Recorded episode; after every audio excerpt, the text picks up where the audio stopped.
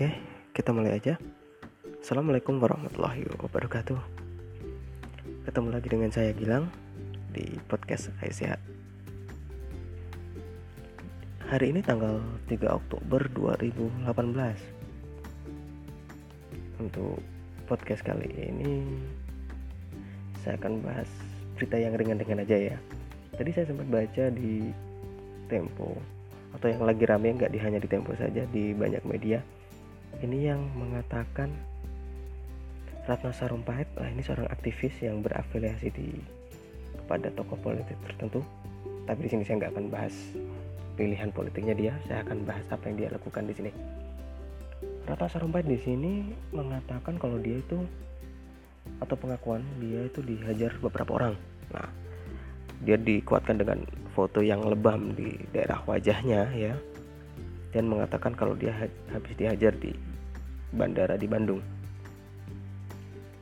Namun ada kejanggalan di sini. Dia pertama, dia tidak melaporkan ke polisi. Kemudian luka lebamnya kalau orang medis ini tahu ya, luka lebam karena dipukulin orang atau luka lebam karena tindakan medis. Dan pada akhirnya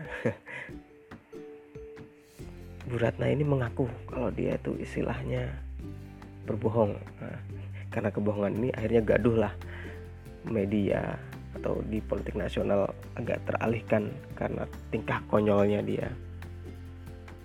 Ternyata dia itu hanya melakukan operasi plastik di sebagian wajahnya. Namun di sini saya akan membahas dari sisi yang lain aja, sisi yang beda aja. Operasi plastik seperlukah itu apa seperlu itukah operasi plastik? Oke saya kembalikan lagi ke teman-teman. Untuk kalian yang masih muda atau yang sudah dewasa terserah. Kalau kalian punya duit mau operasi plastik terserah. Itu bebas pilihan hidup orang ya. Pilihan seseorang bebas dia mau operasi atau tidak. Jelasnya kan jelasnya kalau operasi plastik kan tujuannya jelas ke estetika. Jadi biar lebih ganteng lebih cantik lagi. Dan saya katakan untuk standar kecantikan standar ketampanan seseorang itu sangat relatif. Tampannya orang Indonesia cantiknya orang Indonesia itu berbeda dengan standar yang dimiliki oleh orang Amerika orang Eropa itu sangat berbeda jauh. Kalau kita cantiknya kita biasanya orang Indonesia ya kurus ramping putih nah, bersih seperti itu sedangkan kalau untuk orang Amerika beda lagi atau orang Eropa. Mereka lebih menyukai kulit-kulit yang eksotis ya lebih ke Asia gitu. Di sini saya menemukan artikel yang lucu juga untuk masalah atau berita ini. Berita serat Sarumpait dihubungkan dengan berita 5 ponsel untuk selfie. Ini saya sedikit berpikir.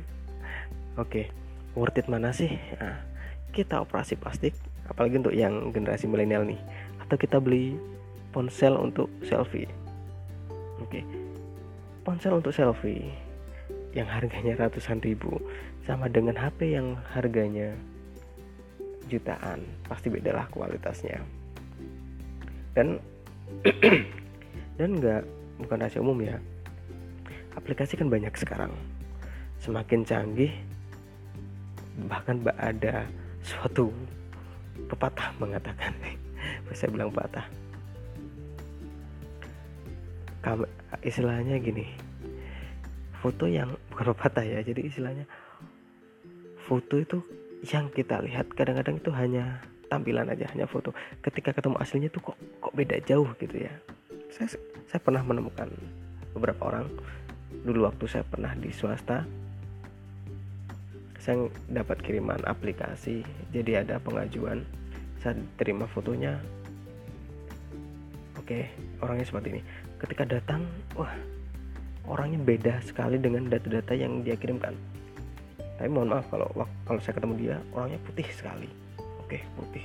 Sedangkan yang difoto orangnya sangat hitam sekali. Saya diam beberapa saat orangnya baru sadar baru sadar dan ngomong ternyata dia melakukan suntik vitamin nah, ya itu kan termasuk suatu tindakan untuk merubah, kondisi tubuh dengan tujuan estetika. Dan itu ada biaya di situ. Oke, saya tanya lagi. untuk Ibu Ratna Sarumpait ini kalau boleh saya katakan dia melakukan operasi plastik itu tujuannya untuk apa sih Hah? saya juga bingung dengan umur sekian apa mungkin biar lebih terlihat lebih fresh atau memang ada tujuan medis lainnya namun untuk teman-teman yang generasi milenial ya atau yang di atas 30 juga boleh. Istilahnya banggalah dengan apa yang kalian miliki ya.